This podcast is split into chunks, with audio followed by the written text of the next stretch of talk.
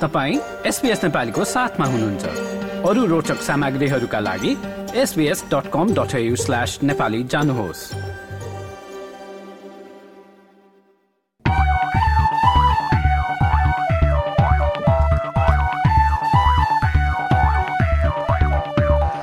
श्रोताबिन Australia Nepal public लिङ्कको आयोजनामा आगामी तेह्र डिसेम्बर र चौबिस जनवरीमा जल सुरक्षा सम्बन्धी तालिम हुँदैछ। तिनवटा समूहमा विभाजित कार्यक्रम तेइस नोभेम्बरमा भइसकेको छ भने तेह्र डिसेम्बर र चौबिस जनवरी जनवरीमा पनि कार्यक्रमहरू आयोजना हुँदैछन्। आइतबार तिन डिसेम्बरका दिन Nepalese engineers in western अस्ट्रेलियाले mastering the art of giving back to your community with skills भन्ने कार्यक्रमको आयोजना गर्दैछ। दुईदेखि पाँच पाँच बजीसम्म केनवी कम्युनिटी सेन्टरमा हुने कार्यक्रमका बारेमा थप जान्नका लागि चाहिँ नेपाली एसोसिएसन अफ वेस्टर्न अस्ट्रेलियाको पेजमा पनि यहाँहरू जान सक्नुहुनेछ। यसै क्रममा गत शनिबार पच्चिस नोभेम्बरका दिनदेखि पेन्सर्स नेप्लिज कम्युनिटीले पेन्सर्स पब्लिक स्कुलमा नेपाली भाषा कक्षाको पनि शुभारम्भ गरेको छ। औपचारिक कार्यक्रमको आयोजना गर्दै नेपाली भाषा कक्षाको सुरुवात गरिएको जानकारी गराइएको हो। यसै गरी वेस्टर्न अस्ट्रेलियामै डिसेम्बर तिन तारिकमा दिउँसो बाह्र बजेदेखि सिक्सटी फाइभ राइसी एभ राइसी रिजर्भमा वेस्टर्न अस्ट्रेलिया नेप्लिज फुटबल लिगको पनि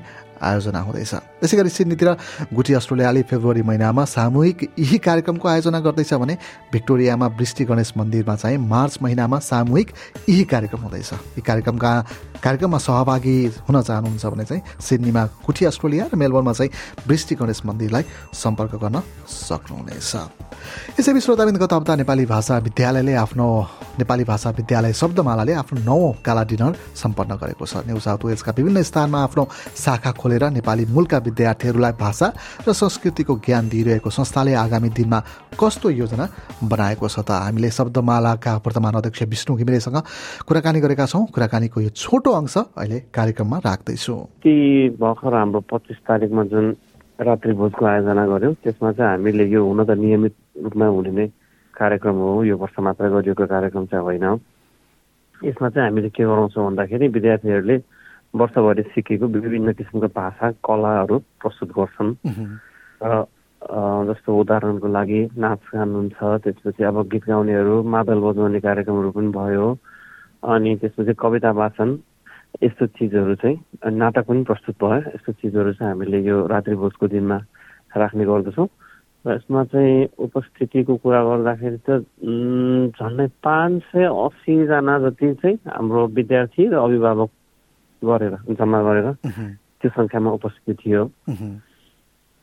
अनि अब योजना चाहिँ कस्तो छ? अब भनौँ न अब वार्षिक कार्यक्रम गर्दाखेरि पनि अब भविष्यमा गर्ने योजनाहरू प्लानिङहरूको बारेमा पनि कुरा गर्नुभयो होला। अब चाहिँ शब्दमालालाई अब कतिवटा राज्यमा त अझै पनि पुगेको छैन। त्यहाँ पुर्याउने योजना छ कि अथवा चाहिँ नि अहिले अहिले चलिरहेकै जुन जुन स्कुलहरूमा चलिरहेछ त्यसलाई बढाउने अथवा चाहिँ नि धेरै विद्यार्थी भएको ठाउँमा अर्को एउटा शाखा खोल्ने त्यस्तो छ कि? कस्तो छ योजना चाहिँ? यो कुरामा चाहिँ कस्तो छ भने अब अहिले हाम्रो पहिलो सोचाइ चाहिँ यसलाई थप्ने भन्दाखेरि पनि अब अहिले हाम्रो पाठ्यक्रमहरूलाई कुन किसिमले चाहिँ अझ सुधार गर्ने बच्चाको पढाइको गुणस्तरलाई कसरी बढाउने भन्ने कुरा चाहिँ हाम्रो पहिलो प्राथमिकतामा छ। अब शाखाको कुरामा चाहिँ अब हामीले अब यो कुनै व्यापार पनि भएन त्यसले गर्दाखेरि चाहिँ हामीले अब यहाँ थप्ने यहाँ थप्ने भनेर हामी त्यो सक्रिय रूपले त्यसरी चाहिँ हिँड्दैनौँ। तर तर त्यसको मतलब यो होइन कि हामी अब शाखा विस्तारै गर्दैनौँ भन्ने पनि होइन। शाखा विस्तार चाहिँ कुन अवस्थामा हुनसक्छ भन्दाखेरि यदि कतै अभिभावकहरूलाई चाहिँ हाम्रो यो ठाउँमा चाहिँ कुनै पनि शाखाहरू नजिक छैन हामी टाढा छौँ र हामीलाई साँच्चीकै आवश्यकता छ हामीले आवश्यकता महसुस गरेको छौँ। हामी हामी पनि यसमा योगदान गर्न चाहिँ यो जुन स्वयंसेवकको रूपमा काम गर्नुपर्ने हुन्छ हामीले अहिले अहिलेसम्म पनि शब्दमालाले स्वयंसेवककै भरमा चाहिँ यहाँसम्म आइपुगेको छ।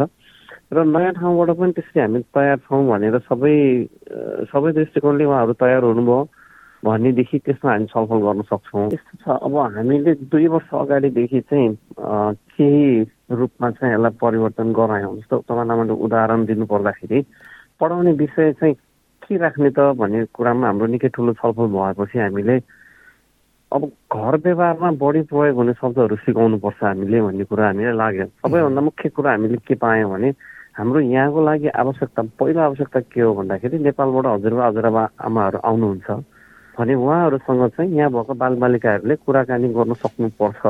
त्यो चाहिँ हाम्रो पहिलो प्राथमिकता हो। र यी थिए सामुदायिक गतिविधि र तपाईँले पनि केही कार्यक्रम आयोजना गर्दै हुनुहुन्छ भने चाहिँ कृपया हामीलाई जानकारी दिनुहोला। यसै गरी हामी रेडियो मार्फत श्रोताहरूलाई जानकारी गराउनेछौँ। हामीलाई सम्पर्क गर्न हाम्रो इमेल ठेगाना Nepali dot program at the rate SPS dot com dot AU वा फेसबुक वा ट्विटर मार्फत पनि हामीलाई सम्पर्क गर्न सक्नुहुनेछ।